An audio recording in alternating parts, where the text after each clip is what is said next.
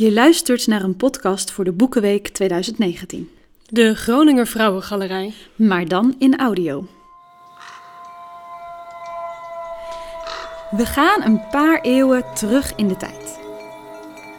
We vertellen een verhaal dat zich afspeelt rond de 16e eeuw in Westerwolde. Hekserij was in die tijd geen spannend of gezellig sprookje, maar er werd daadwerkelijk gejaagd op heksen. Het vuur leidde hoog op in 1587. Toen werden zeven vrouwen verbrand in Wedde. Twee jaar later was het goed raak. Toen brandde het vuur niet één, maar vier keer. Twaalf vrouwen vonden de dood. Om de tijd goed te begrijpen moet je weten wie de drost was. De drost was namelijk een belangrijke man. Hij sprak recht over strafzaken en hield ook de financiële administratie bij. Ook ging hij over de heksenvervolging.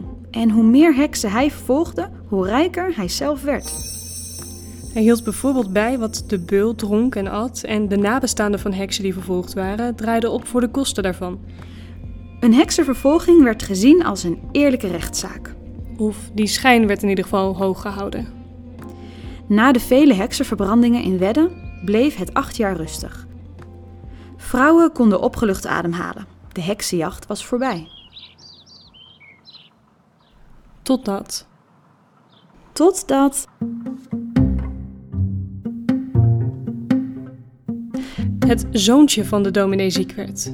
Drie maanden bleef hij in bed. Kwam de dokter opnieuw en opnieuw, maar de dokter kon niets doen. Het jongetje overleed.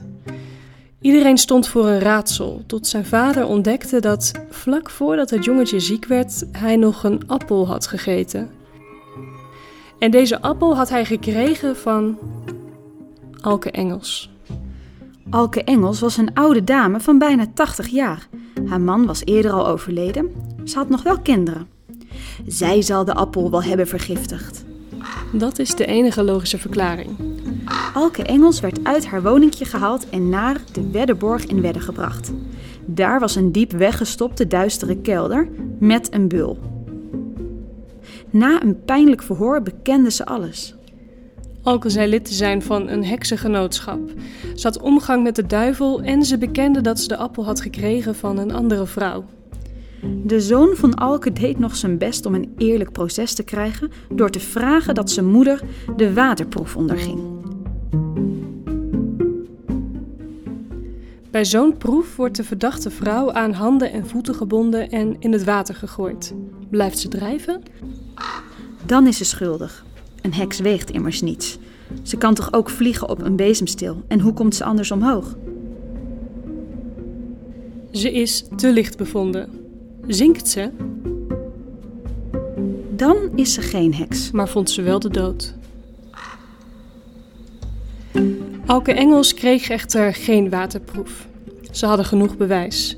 Maar voordat ze op de brandstapel terechtkwam, pakte de drost ook haar zus op en de vrouw die haar de vergiftigde appel gaf.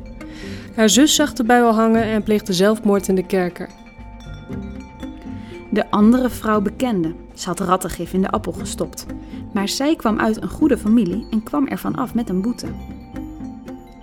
Alke Engels had minder geluk. Haar leven eindigde op 17 februari 1597 op de brandstapel. Op de heuvel met de opmerkelijke naam Gezelberg. Deze heuvel kun je nu nog vinden. Tussen Wedde en Wessinghuizen ligt de met bomen begroeide heuvel. Aan het eind van de 16e eeuw werden hier meer dan 20 personen levend verbrand. Ter herinnering aan hen ligt er nu een gedenksteen.